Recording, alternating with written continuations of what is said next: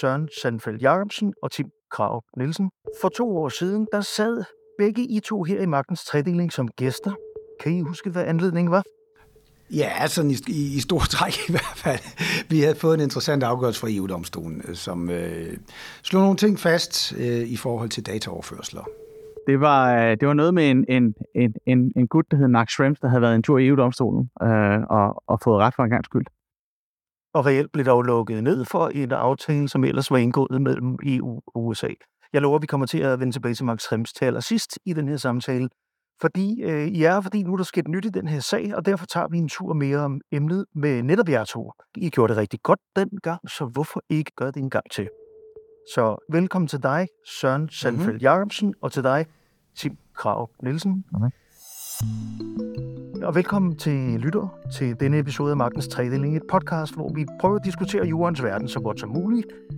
Jeg hedder Dan Poulsen, og vi, når jeg siger vi, er det juridiske nyhedsmedie K-News.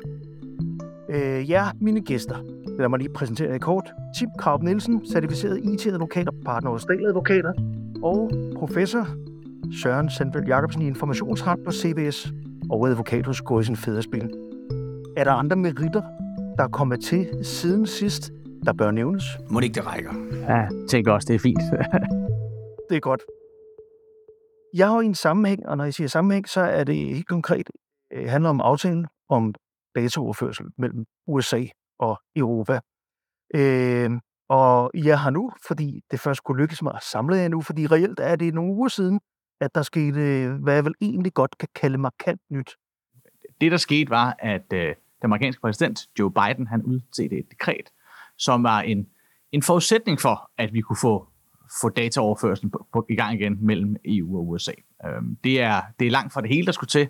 Der skete også andre ting i den forbindelse, men, men det er bestemt skridt på vejen. Det dekret skal jo så for at blive til en aftale, godkendt til EU-kommissionen efter persondataforordningen. Så, så det, det, der sker nu jo, er, at det dekret, som er ganske langt, jeg har det her foran mig på computeren, øh, det skal jo grænskes grundigt, grundigt af øh, kommissionens embedsværk, og det skal, så vidt jeg ved, også jo i høring hos EDPB, og der, der er jo også de nationale datatilsyn repræsenteret osv. Så der kommer en grænskningperiode øh, fra EU's side for vidderligt at se, om det her det opfylder kravene. Men i så fald kan, gå, kan EU-kommissionen godkende det formelt efter artikel 45 i personlighedsforordningen, hvorved det bliver en bindende retsakt.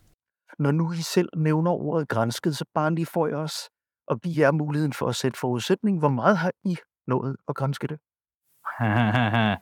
altså, øh, jeg har da læst øh, dekretet, der kom. Øh, jeg har også læst øh, diverse reaktioner på dekretet, kan man sige. Der er ikke, jeg tror det ikke, det vil være forkert at sige, at verden er en lille smule delt i, om der er armene er helt op over hovedet, eller man er i gang med at forberede retssager. Det er sådan lidt, lidt om man tager den ene eller den anden fløj. Øh, men det er tung læsning, og, øh, og der ligger jo mere end det. Der ligger også nogle retsakter bag, som øh, det amerikanske justitsministerium har, har udstedt. Dem har jeg tilladt mig at springe over i den her omgang. Men, men, øh, men de kommer ved lejlighed, når det bliver aktuelt. Og hvem er så? Jamen, jeg er helt, jeg er helt enig med, med, med Tim her. Det, det, bare dekretet er, er langt og omfattende, og der står rigtig meget. Øh, og det er jo nede i detaljen, det her, det skal kunne stå sin prøve. Og, øh, og, og derfor er det faktisk en svær øvelse lige nu. Øh, og, og jeg tror, vi skal, vi skal tænke lidt nærmere over det alle sammen. Men, men øh, som Tim siger fuldstændig korrekt, øh, vandene de er delt. Der er nogen, der synes, det her det er der lige til at signe af på for kommissionen, og så kører vi bare.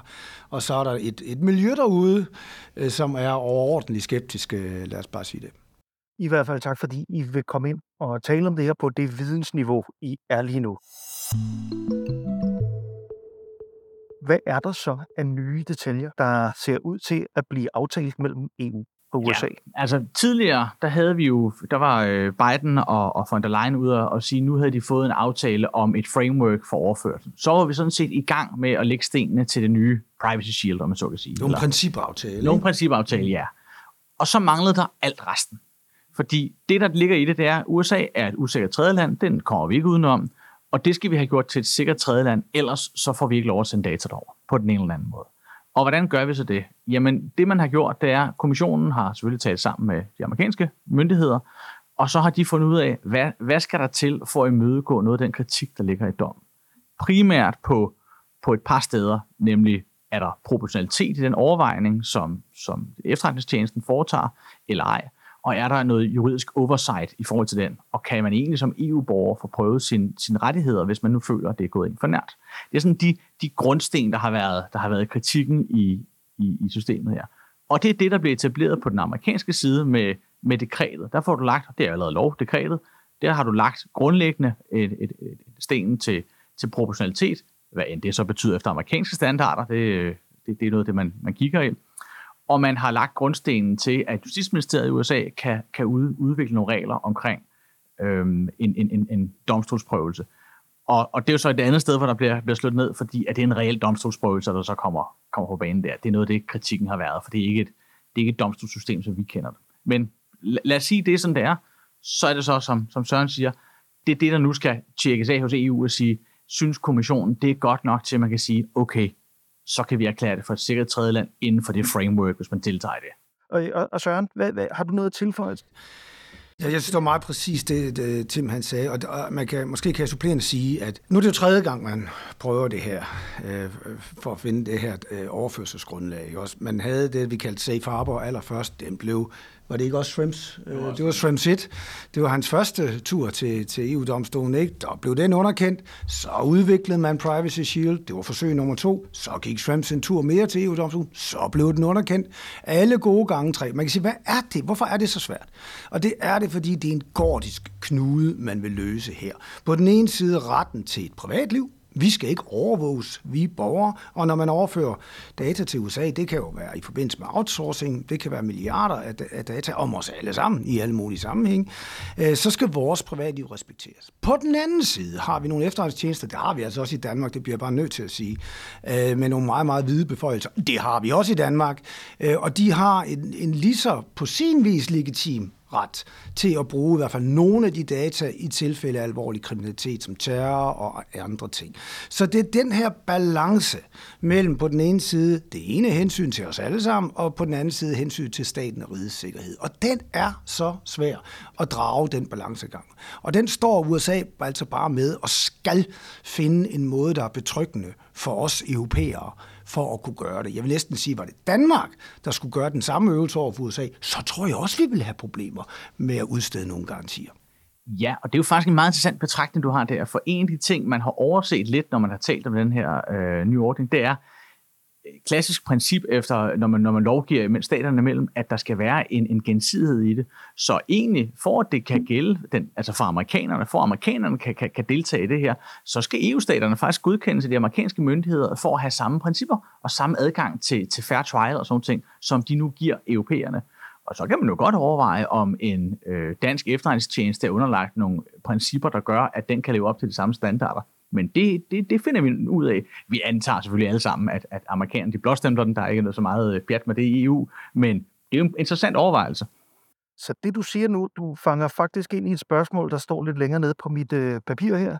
Øh, fordi jeg har genlyttet øh, det program, øh, I var inde og lave for, for to år siden, og der taler du til meget direkte om den her manglende mulighed for at få domstolsprøvet at europæere altså ikke dengang i den gamle aftale kunne få domstolsprøvet noget som helst i USA. Og siger du her, at det er et sted, hvor amerikanerne har flyttet sig? Ja, det er det, fordi det er de nødt til, vil jeg sige. Du, du, havde aldrig fået den her, øh, den her nye ordning, hvis ikke de havde flyttet sig på det punkt. Problemet er, at amerikanerne har en grundlov, der, der giver adgang for domstolsprøvelse for amerikanere og folk, der opholder sig i USA. Og der er et politisk problem i bare at åbne op for adgangen til domstolene for alle uden for USA, der, de har blandt andet en grænse mod syd, som de for, vi kunne forvente, at der, er lidt, der ville være lidt, lidt palaver om, hvor nogen kunne finde på at, at, at sagsøge den amerikanske stat, hvis det var muligt. Så de er sådan meget restriktive med at åbne op med det. Og har de så bare åbnet op for adgangene til det amerikanske domstolssystem? Ej, det har de altså ikke. Det, man har lavet, det er, at man har nedsat en, skal vi kalde det en særdomstol, og så være søde ved det, øh, hvor du har en, før havde du et sådan ombudsmandssystem, men der var ingen tænder i det. Nu prøver man at lave et, et, et særligt klagesystem, og så give det nogle tænder ved at der bliver udpeget en person, det som har oversight-muligheder, og som man kan klage til, og så er der et, jeg tør næsten sige, tribunal over, over ham, hvor, hvor, hvor, hvor de så har øh, en oversight over, om han træffer beslutninger øh, eller ej, og hvor du kan ligesom appellere til. Men det er stadig sådan lidt et, et, et, et, et, et, skal sige, et, et efterretningssystem, øh, hvor jeg som EU-borger får ikke rigtig nogen indsigt i det. Jeg er nødt til at stole på, at systemet kører, som det skal, og at, at der bliver foretaget de procedurer, der nu er. Jeg har ikke adgang til at komme ind og lægge beviser osv. Jeg må stole på, at systemet kører. Og det er, en, det er nok en af de største kritikpunkter, der har været, øh, nemlig, er det her en domstol eller ej? Som sagt, jeg, jeg har genhørt programmet øh, fra, fra to år siden, øh, og Søren, du sagde om dommen fra EU-domstolen dengang, den er meget udførlig. Det sagde du om den dom i, i 2020. Øh, så, så nu har vi lige været forbi det her med domstolen, som jeg ved var et punkt i den dengang. Men hvor meget kan man på den nye aftale se, at der er blevet kigget på den udførlige dom?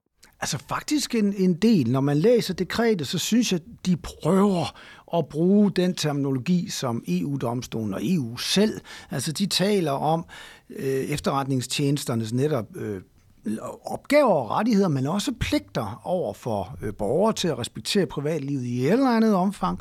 Og de taler jo øh, også om, at der, der skal være øh, den her proportionalitet. Efterretningstjenesterne må ikke gå længere i deres overvågning end formålet og hensynet til borgerne øh, berettiger dem til, så at sige. Ikke? Og så skal der være de her øh, rigtige øh, actions of redress, altså mulighed for at, at klage. Så jeg synes, og det er lige præcis de trin, som EU-domstolen og den efterfølgende diskussion og de principper, som blev formuleret mellem EU og USA, kører rundt i. Så jeg synes egentlig, når man læser i hvert fald de første 10-15 sider af dekretet der, så, så tænker man, det, det, det er fuldstændig lingoet fra dommen af. Og så er det, jeg mener igen, så skal du ned i detaljen, som, som Tim er inde på. Den der domstol, det lyder jo rigtig fint.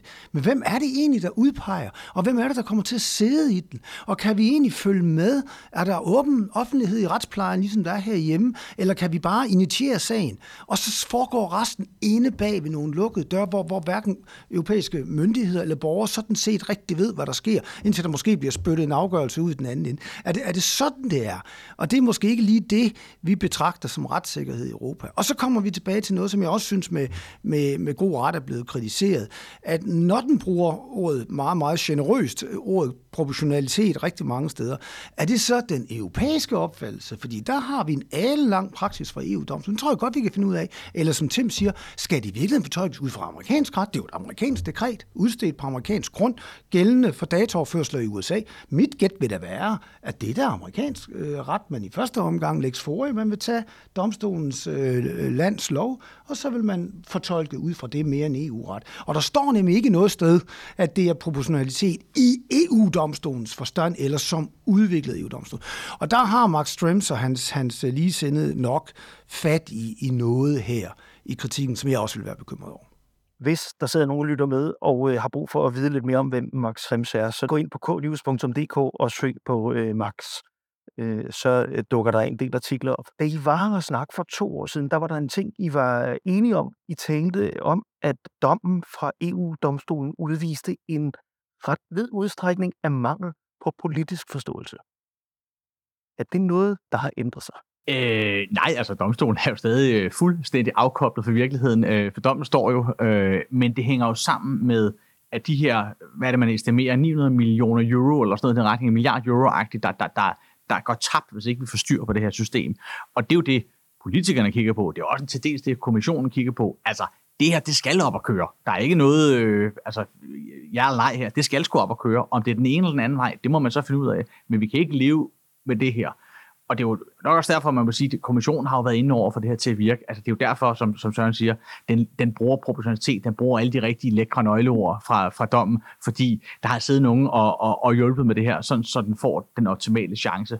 Men det er der, politikken kommer ind. Men næste gang den kommer i domstolen, og det gør den, øh, hvad sker der så? Jamen, jeg tror, vi vil se det samme. Det kan godt være, at den falder ud til den anden side den her gang, men vi vil se den samme afkobling fra den politiske virkelighed. Politikerne, de må håndtere politikken, og så skal domstolen tage sig af, af at dømme. Sådan der. Og jeg kan lige øh, specificere de tal, du kaster op her med et, et lille citat fra den pressemeddelelse, der kom fra det Hvide Hus øh, 7. oktober, hvor de selvfølgelig prøver at understrege betydningen af sådan en dataaftale her, vi selvfølgelig har sætte et beløb på. Det står næsten som noget af det første ikke? i den her executive order, som det hedder.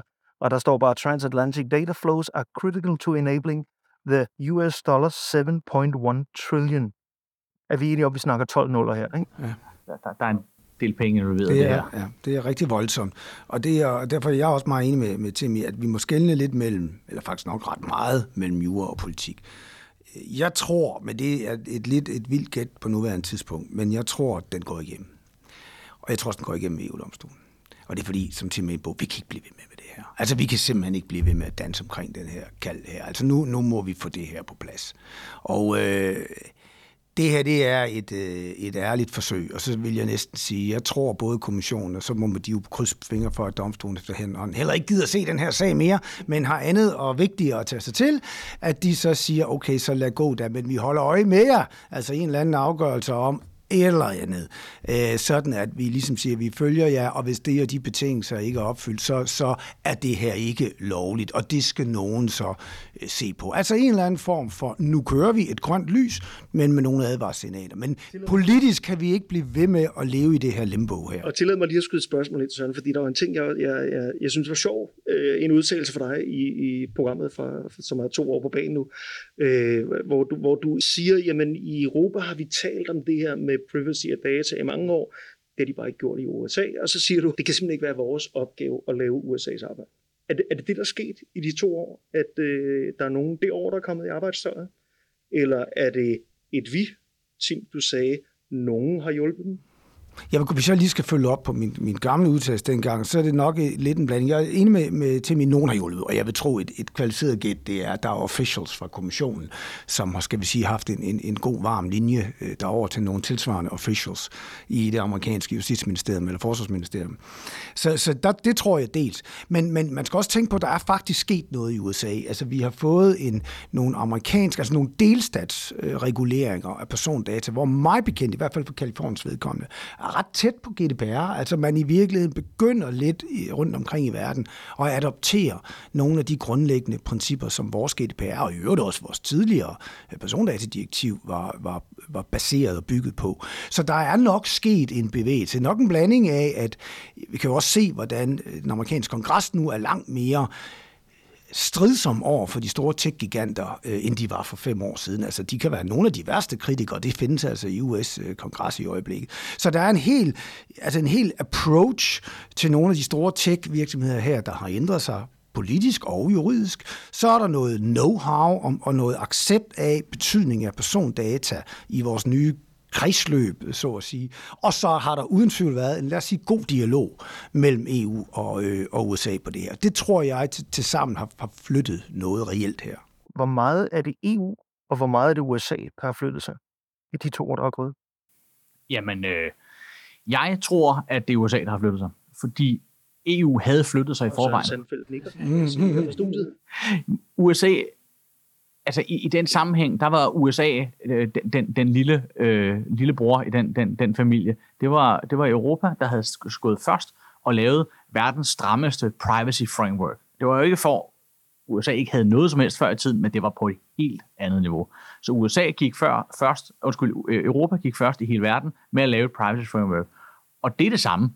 Vi har det samme framework, som vi har haft øh, sidste to år. Der er ikke ændret på det grundlæggende. Der er kommet nogle justeringer. Der er nogen, der mener, at det begynder at gå lidt for vidt med fortolkningerne og sådan ting. Men det er basalt set det samme framework, vi har stadig. USA derimod, de, som, som Søren rigtig siger, de, er, de har udviklet sig rigtig meget, særligt på delstatsniveau, faktisk til et niveau nu, hvor diskussionen i kongressen går på, skal der være en, en federal lov, fordi vi vil have lov til at gå længere øh, lokalt. Øh, skal Kalifornien holdes tilbage af et federalt niveau? Øh, så nu er de virkelig vågnet op og begynder at rykke sig her. Så det, jeg mener klart, det er USA, der har, der har bevæget sig. Og jeg kan bare referere, du ja, ligger. jeg er enig. Så jeg er enig.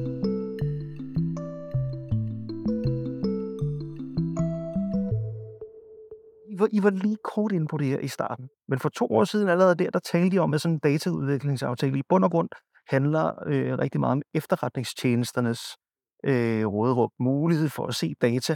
Og nu kan man vel godt sige, at efterretningstjenesterne også herhjemme har været en del i fokus i de to år, der er gået. Øh, derfor samme spørgsmål til jer som før, øh, blot med efterretningstjenesternes råderum i fokus.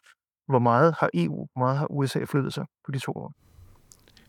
Altså, det, det, det, uden at det er mit øh, ekspertområde, så har jeg da krydset det nogle gange, for jeg har også beskæftiget mig meget med lokning. Øh, og altså mig bekendt, øh, så øh, har vi jo altså også nogle, øh, nogle navnlig Forsvars FE, der, der er lidt større bindinger på PET. Men FE, FE-loven, sidste gang jeg læste den, var også meget, meget hvid. Lad os bare sige det på den måde. Det vil sige, vores efterretningstjeneste, Forsvaret, kan jo altså også, øh, og det er jo igen, hvis skal man forstå, det er jo kun udenlandske statsborger. Det er jo ikke danske statsborger. Det er PET, der tager sig af det, der sker her i Danmark.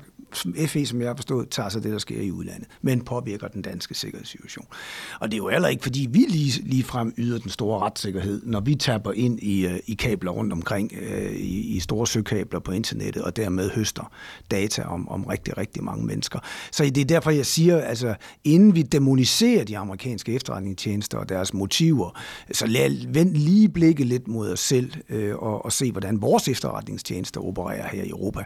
Øh, så tror jeg, at vi vil finde ud er navnlig øh, efter 9-11, altså har der jo været nogle altså markante regelændringer, hvor efterretningstjenesterne, også de danske, har fået langt videre beføjelser. Så, så der bliver også taget fat, og der bliver overvåget, og der bliver ikke fortalt noget om det, og der kræves ikke retskendelse. Så, så derfor, jeg siger bare, det er klart, amerikanerne bliver nødt til at give sig, det er de jo så også klar over, de gør. Men jeg siger bare, hvad nu realistisk? Der er grænser for, hvor mange sikkerhedsgarantier vi kan få, for det er simpelthen kontraproduktivt for enhver efterretningstjenestes raison d'etre, altså det, de er sat på jorden til at være. Og det er derfor, jeg mener, vi bliver nødt til at være en lille smule salomoniske her. Vi må klippe en hæl og hugge en to. Nogle gange må man altså også sige, det her det er godt nok. Og så må vi se, hvordan det virker i praksis, og så tager vi problemerne, som de kommer. Men vi kan ikke have en 100% garanti for den vil aldrig blive givet. Det kan vi lige så godt se i øjnene. Og det vil ikke blive overholdt, hvis den bliver givet. Så det er øh, altså virkeligheden, der står øh, privatlivets fred over for øh, statens sikkerhed, og det er den kampen siden romertiden. Det har, det har ikke ændret sig. Øh. Altså, nu vil jeg bare lige skyde ind. Jeg sagde jo ikke noget om, at jeg synes, USA var den onde. Nej. Og jeg spurgte bare egentlig, hvem har flyttet sig her? Ja. Det jeg jo egentlig spørger om, det er, kan man se noget i det dekret, der er kommet fra USA, om at de ser en større forståelse i Europa for efterretningstjenesternes tjenesternes behov for et vidt råderum? Jeg, nu du siger Søren, jeg, jeg, jeg sporer ikke den store ændring, øh, udover at man skal, man skal være proportional til tilgang. Og hvad betyder det så? Mm. Og igen, jeg tror, altså hvis vi kigger på, hvordan vi regulerer vores efterretningsvæsen herhjemme, så på, på hele cybersiden, som jo meget det, det her handler om, øh, der har der jo netop over de sidste øh, 5-10 år, har vi jo fået Center for Cybersikkerhed under Forsvars efterretningstjeneste netop, som jo har, der har været udsat øh, altså flere gange, hver gang der er blevet lavet lovgivning, for en, en betydelig kritik om lige præcis det, vi nu sidder og taler om, de amerikanske, om i relation til de amerikanske efterretningstjenester. Altså en manglende transparens, en manglende gennemsigtighed. Der er ikke noget krav om retskendelser. Men der er meget store grænser for, hvad man kan klage over. Der er ingen agtindsigt. Altså nøjagtigt de samme ting, som vi påpeger, som de store mangler her, er jo noget af det, vi heller ikke selv implementerer, når det gælder vores egne efterretningstjenester. Så, så igen er der noget, og det siger jeg ikke for at, at prøve at skåne amerikanerne. Jeg siger det egentlig bare mere for, når jeg ligesom plæderer for, at jeg tror, at vi bliver nødt til til, til syvende og sidst at finde en balance i det her, og, og derfor vil det til syvende og sidst blive godkendt. Fordi vi, vi lever ikke i nogen perfekt verden, og det kommer vi aldrig til, når vi handler om de her to hensyn, og navnlig hensynet til statens og rides og borgernes sikkerhed, som næsten altid at the end of the day vil være et, et overriding, altså et altafgørende hensyn. Og bare lige for at skale de to hensyn, det er sikkerhed kontra privatliv. Ja. Jeg kunne godt lige tænke mig at runde, øh, nu har vi været, det er de ret store politiske linjer, vi har talt om lige nu. Jeg kunne godt tænke mig at tale det, som jo også er en del af jeres arbejde, øh, den, den rådgivning, som virksomheder har, har brug for. Tim, du blev spurgt for to år siden i slutningen af programmet, øh, hvad den påtvungne limbo ville komme til at betyde for virksomhederne. Og det er faktisk det eneste tidspunkt i programmet, hvor der er sådan lidt sjov pause, og du tøver lidt, øh, hvor du så siger, ja, det er det, alle går og kigger på hinanden og håber, at en anden vil svare først. Så, så, så egentlig bare nu, nu står vi her to år efter. Hvad kom det til at betyde? Ja, det kom til at betyde lige præcis det, jeg sagde. Alle gik og kiggede på hinanden og sagde, hvad, gør vi så nu? Øh, og så var der nogen, der, der sådan prøvede ligesom at sige, jamen så, øh, så, så, så, så bliver vi nødt til at træffe beslutninger om et eller andet. Og så, det, det førte så til, at man begyndte at lave de her transfer impact assessments, hvor man vurderer, modtagerlandet er det, øh, hvor, hvor, hvor sikkert er det ud fra sådan en meget øh, kompliceret form, hvor man går ind og kigger på lovgivning og sådan noget. I praksis skrottede man alt det der og sagde, okay, vi går ud for, at lovgivningen er, er, er, øh, er, er, er, er indskrænkende, eller undskyld, er, er restriktiv, eller altså, i hvert fald, hvis du skriver noget andet, så er det formentlig en, en, en, øh, en, en søforklaring, du er i gang i, og så gik vi ind og kiggede på, og hvad så? Kan vi så mitigere det på nogle andre måder? Og det begyndte sådan at komme et, et, et, et flow op omkring, så man begyndte at gå den vej og sige, vi skal videre med det her. Vi begyndte at lave de her 10 hvor man nogle nogen lidt, lidt, lidt frit, men andre lidt mere seriøst begynder at se, hvad er det egentlig for data, vi overfører? Hvad sker der egentlig med det? Hvordan bliver det egentlig behandlet? Kan vi argumentere for, at det er sikkert alligevel? Er det rigtigt? Der har jo, fordi sådan prøver vi jo, og det skal vi jo også både som rådgiver, og det skal virksomhederne jo også, og myndigheden skal hjælpe til med at finde ud af, hvad, hvad gør vi så? Og så har vi trods alt udviklet nogle, nogle standardkontrakter sammen med nogle øh, vurderinger, altså de her TIA'er, så prøver vi at vurdere det på gennem tredje land, er det USA, ikke for eksempel, og så laver vi nogle kontraktbestemmelser, øh, vil bruge nogen, som kommissionen har lavet, og så siger vi, okay, så, så går det ind til nogen siger noget andet. Men det, kan, det er jo slet ikke så godt som en generel land-til-land-aftale, som så gør, at vi ikke skal lave alt det her, som virksomhederne selvfølgelig er trætte af til syvende og sidst. Øh, altså, det, er, det er jo først og fremmest til advokaternes fordel. Ikke? Så, så virksomheden så da hellere, at det her kunne køre meget mere smidigt. Og derfor kan det ikke, det kan ikke substituere, at vi nu får et nyt grundlag. Så vi skal øh, igen have det her på plads ved en aftale mellem EU og USA. Nu er det jo, øh, som du lige sagde, Tim Krav, helt utroligt dejligt altid at kunne sige, det gik, som jeg sagde. Du sagde også nogle andre ting i programmet. Der er altså ikke noget værre, end at få stukket sin egen udtalelse op i. Nu, bare for, nu vil jeg bare lige indskyde det, ikke også? du, du sagde, at uh, dine forventninger var, at det kan gå en af to veje. Og nu læser jeg lige op. Enten gammel vin på nye flasker, hvor man prøver at lappe lidt, og så komme videre. Den anden er, at det lykkedes at overbevise amerikanerne om, at det går ikke væk det her, og så får man i dialog skabt en bedre retsproces og nogle egentlige instrumenter til at gøre noget ved det. For eksempel var et af de her punkter i EU-dommen, at europæiske borgere ikke kan gå til domstol i USA. Ved at gøre noget ved det, så vil man komme meget langt. Du sagde to forventninger. Hvilken af dine forventninger ramte mest rigtigt? Øh, jeg synes faktisk ikke, det er øh, gammel vin på nye flasker. Det synes jeg faktisk ikke. Jeg synes, det er, øh, det er, en, det er en frisk og ny vin, øh, vil jeg mene, fordi der er faktisk sket noget i USA. Der er faktisk udskilt det her dekret. Det har retskraft nu. Der er etableret et, øh, et, et, et efterprøvningssystem. Det er så ikke bemandet, så vidt jeg forstår, men, men reglerne ligger der. Det vi mangler, det er, virker det så? Er det, er det godt nok? Og det er måske der, hvor, hvor, hvor, jeg, hvor jeg tøver en lille smule stadig. Jeg siger, og jeg, og jeg tror, det er det, den kommer til at stå og falde på. Det er den her, det her domstolssystem, der er etableret. Ja, det er godt nok. Jeg er meget enig i, i den analyse.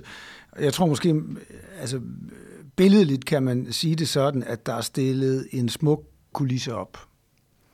Det vi vil nu og bliver nødt til, det er at åbne døren ind til den kulisse, og så se, om det er en Hollywood-kulisse, der er tom bagved. Netop alle de rigtige ord er der. Alle de rigtige overvejelser er der. Men er der kød og blod bagved? Er det en tom kulisse, eller er det en fin, flot ny by, der er blevet bygget her? Og det er den, det ved ingen af os på nuværende tidspunkt. Og den øvelse skal alle igennem, jo, og til syvende og sidst jo nok EU-domstolen. Nu er det jo interessant at se på. Nu taler vi meget om det, fordi det er USA, og der er, der er rigtige penge bag, og alle tech ligger der og sådan noget. Men det her er jo en stat, som har et andet retssystem, end vi er vant til EU, på linje med alle de andre stater, som er enten sikre tredje lande eller usikre tredje lande.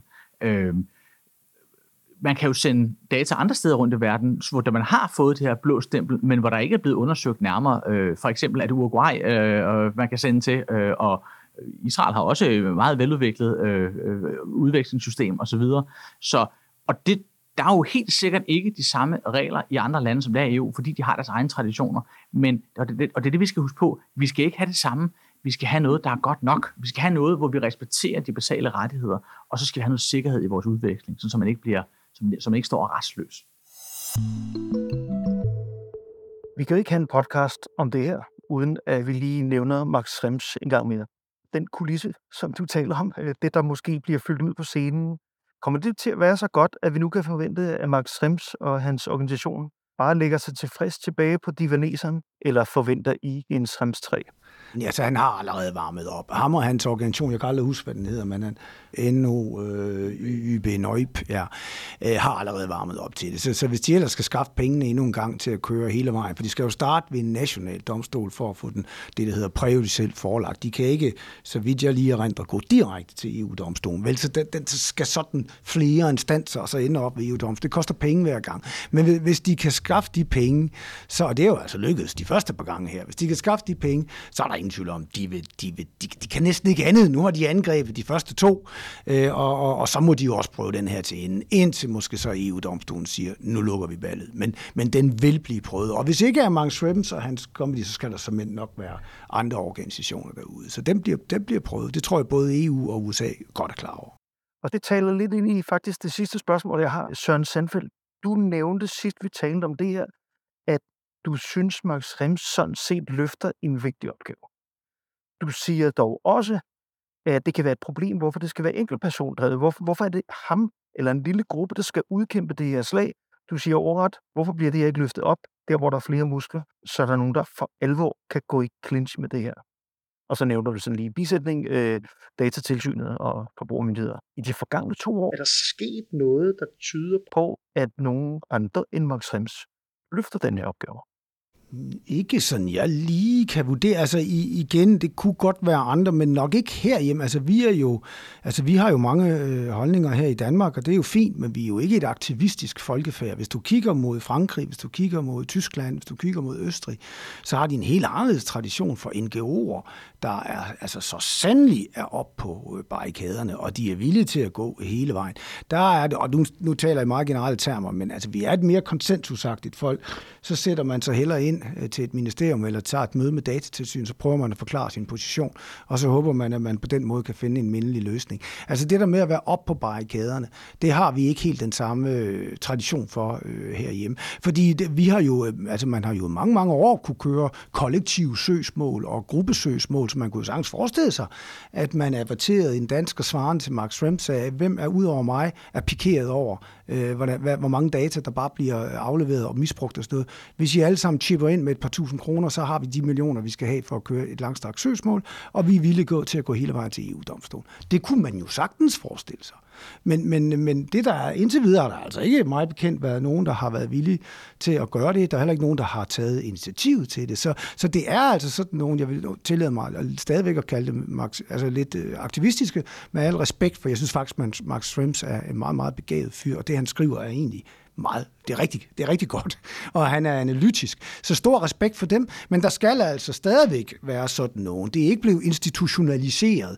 Øh, andet end, som jeg sagde indledningsvis, nu, skal, nu kommer de de lokale datatilsyn jo sådan set i spil, fordi det, der hedder det europæiske databeskyttelsesråd, som EU-kommissionen vil konsultere her og rådføre sig med, består af repræsentanterne fra de nationale datatilsyn. Så, så på den måde vil det formelle system jo nu forholde sig til det. Men de har jo et lidt andet politisk take på det her, end, end aktivisterne har. Så bottom line, fra min stol kan jeg ikke lige se, der er sket noget markant. Jeg ved ikke, om du har kendskab til nogle grupper eller, eller andre, der øh, har en anden strategi i dag. Nej, og jeg er meget enig i din, din, din karakteristik af, af vores, vores mentalitet her i landet, og det, og det er måske noget af det, det hænger sammen med. Jeg har egentlig aldrig rigtig tænkt over det før, men, men hvis jeg skulle til at være lidt provokerende, nu får jeg nok Danmarks befolkning på nakken, men vi vil vi vil egentlig bare hellere have hverdagen til at køre og få løst de her problemer, fordi øh, selvom man kan være, jeg synes, det er lidt problematisk noget, så skal vi stadig videre med det her. Ungerne skal stadig hentes, og, og, og der skal også laves mad, så lad os nu bare se at få det her til at køre, og det går jo nok det hele alligevel. Det er den mentalitet, jeg synes, jeg møder i dagligdagen, når man beskæftiger sig med det her, og det er sådan set ligegyldigt, om det er på privat niveau, på virksomhedsniveau eller på øh, kommunalt og statsligt niveau. Alle har egentlig et ønske om, lad os nu bare få det her til at køre, sådan så vi kan få det, der alle ved kommer til at ske alligevel, op og køre på en ordentlig måde alligevel. Aktivisterne, dem finder du i læserbrevskrigerne, øh, som, øh, og, og hvorfor gør man det? Det gør man, det er jo nok det er nok ikke for sjov, man sagde før i tiden, at det var altid øh, pensionisterne, der så skrev de her læserbreve, fordi de har masser af tid. Der skal være nogen, der ligesom har energien og tiden til at sætte sig ned og tage det her som en sag myndighederne mangler alle sammen penge, øh, så jeg tror ikke, det er dem, der, der gør det. De har travlt nok med at finde ud af, hvordan GDPR det virker det hele taget. Så jeg tror, hvis der skal nogen, der gør det, så skal det være en, en privat NGO. Og øh, når nu øh, Max Ramson er i gang, så er der jo ingen grund til at starte en selv. Så kan vi jo lige så godt finde på noget andet at bruge tid på. Hvad med et par aktivistiske advokater? I har viden, i har formentlig også midlerne, I har netværket. Ja, det er jo et rigtig godt spørgsmål, og, og, og der, altså, der er de fleste af os, specielt os, der kalder os erhvervsadvokater, vi, der er ikke noget, vi hader mere, fordi så skal vi jo sådan set... Øh, altså stille os frem på en måde, som vi ikke, de fleste af os ikke synes er forenlig med, med vores værv. Altså vi skal egentlig ikke mene særlig meget. Vi skal repræsentere nogle klienter, det skal vi gøre savligt og sobert. Og om de så har den ene holdning eller den anden holdning, det må de jo selv om.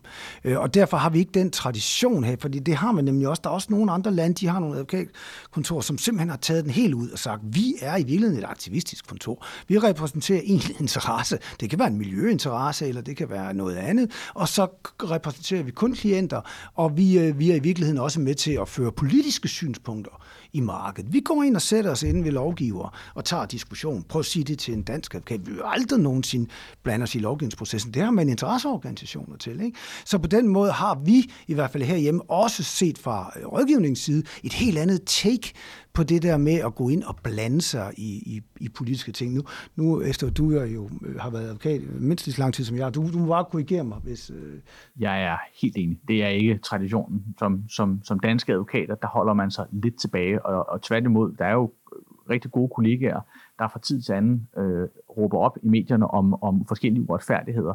Og desværre for den slags, der bliver reaktionerne jo typisk en, en, en, en blanding af, har du ikke noget bedre at tage dig til over til, at, at man får sådan den der sølvpapirs øh, hat øh, klippet på sig, fordi at, øh, at, at nu ser man konspirationsteorier alle steder. Og, og så vil jeg godt lige sige også til standens forsvar, altså vi har måske en anden måde at gøre det på, fordi vi har jo øh, altså i regi af, af vel navnlig danske advokater, nogle forskellige udvalg, øh, som jo, så, hvor der så sidder advokater, fordi de er interesseret i et givet område, og kommer så med i det her udvalg. Og de skal jo netop forholde sig til de retspolitiske temaer, der er, til lovforslag, der kommer. Det er helt legitimt, og de er rigtig gode til det. Og de sidder jo så, synes jeg, har altid en fin balance, men koncentrerer sig om juraen og det retspolitiske, og råber op, hvis de siger, at det her det holder simpelthen ikke, eller regeringen er ude på et vildspor her. Så på den måde blander vi os jo. Men så er det også i regi af vores foreninger, ligesom de fleste andre gør det. Ja. Jeg kan i hvert fald også sige, at hvis man kigger, så kan man godt finde historierne nogle steder. Nu har vi snakket om Max Rems. Hans hjemmeside er et godt sted at følge med.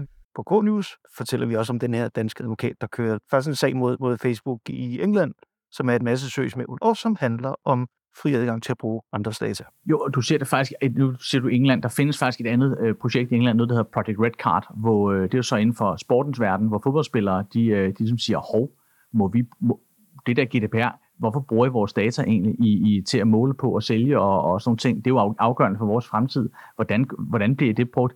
der er ved at, at lægge an til et slagsmål derovre. Hvordan det ender, det, det ved vi ikke, men, og om det overhovedet kommer i gang. Men, men der er flere og flere, der begynder at bruge det her.